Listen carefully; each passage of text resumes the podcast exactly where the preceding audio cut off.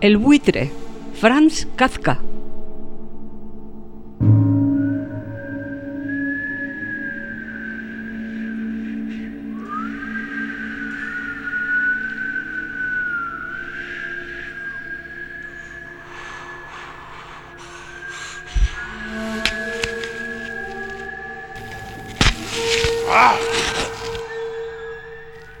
Érase un buitre que en medio de un desierto picoteaba los pies de un hombre.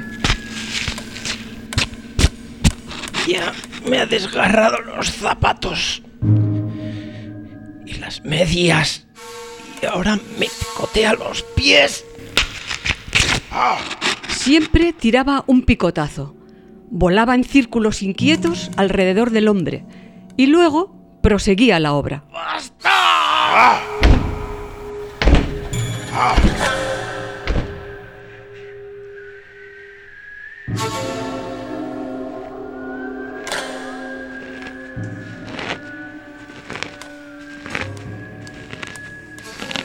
Pasó por allí una señora, miró un rato y preguntó al hombre, ¿Por qué tolera al buitre?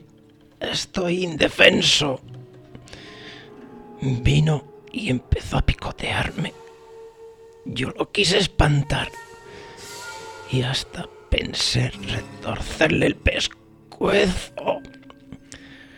Pero estos animales son muy fuertes. Quería saltarme a la cara. Preferí sacrificar los pies. Ahora están casi hecho pedazos. No se deje atormentar. Un tiro y el buitre se acabó. ¿Usted cree?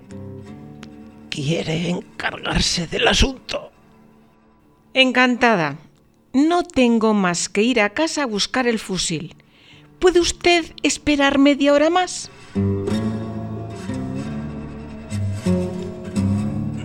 No sé. Este dolor me está matando. De todos modos, pruebe, por favor. Me daré prisa. El buitre había escuchado tranquilamente el diálogo y había dejado errar la mirada entre el hombre y la mujer. En ese momento, el hombre miró al buitre y lo comprendió todo. Nos ha estado escuchando. Lo ha entendido todo. El buitre voló. Retrocedió para lograr el ímpetu necesario. Y, como un atleta que arroja la jabalina, encajó profundamente el pico en la boca del hombre.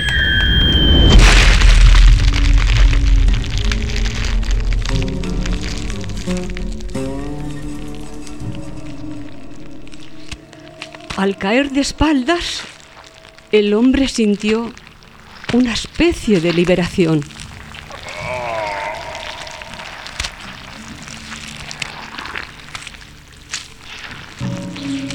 En su sangre, que colmaba todas las profundidades y que inundaba todas las riberas, el buitre, irreparablemente, se ahogaba.